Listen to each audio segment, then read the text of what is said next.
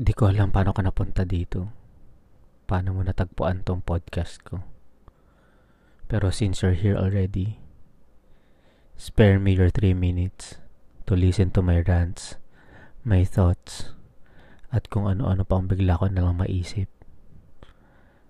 Hindi scripted, hindi edited.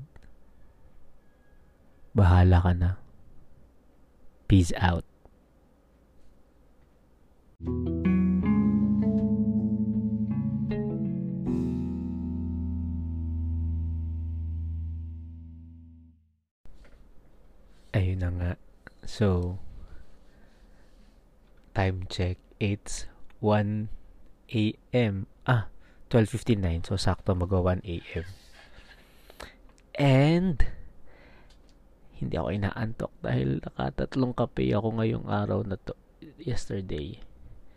So, ayun. What should I do? Although, nag-alak naman ako. So, isang baso din yun. Isang malaking mug ng Shiva's Regal plus Sprite. In a way, tinatamaan na din ako. Pero, still, I'm not sleepy.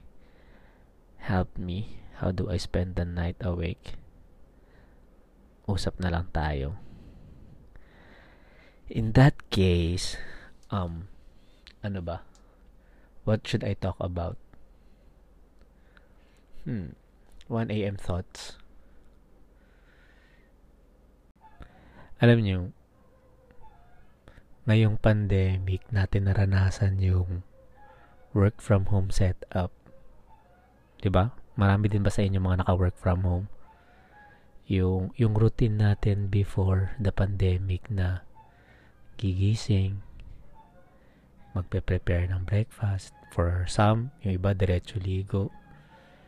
Tapos, babiyahe. Yung iba bumabiyahe ng 1 hours, 2 hours. para pumasok sa opisina. Lahat yun na-disrupt nung nagkaroon ng pandemic. Nagbago lahat ng routine natin. Ako, nagbago yung routine ko nung nagkaroon ng pandemic. Nagbago yung, yung mga daily na regular kong ginagawa. And minsan napapaisip na lang ako 2020 tayo nagsimula lockdown 21 22 pwede naman pala kaya naman pala natin ng ng work from home na setup kaya lang to some it works sa iba naman it doesn't kumbaga sa iba nagiging productive sila kapag um, nasa bahay na set up. Ako for sa ibang mga panahon, lalo akong tinatambat, lalo ako nagiging less productive kapag nasa bahay lang. This work from home setup, um, kailangan nating mag-adjust. ba? Diba? And ganun din yung mga employers natin, nag-adjust din sila sa atin sa sa requirement ng pandemic. Good thing yung iba sa atin hindi nawalan ng trabaho.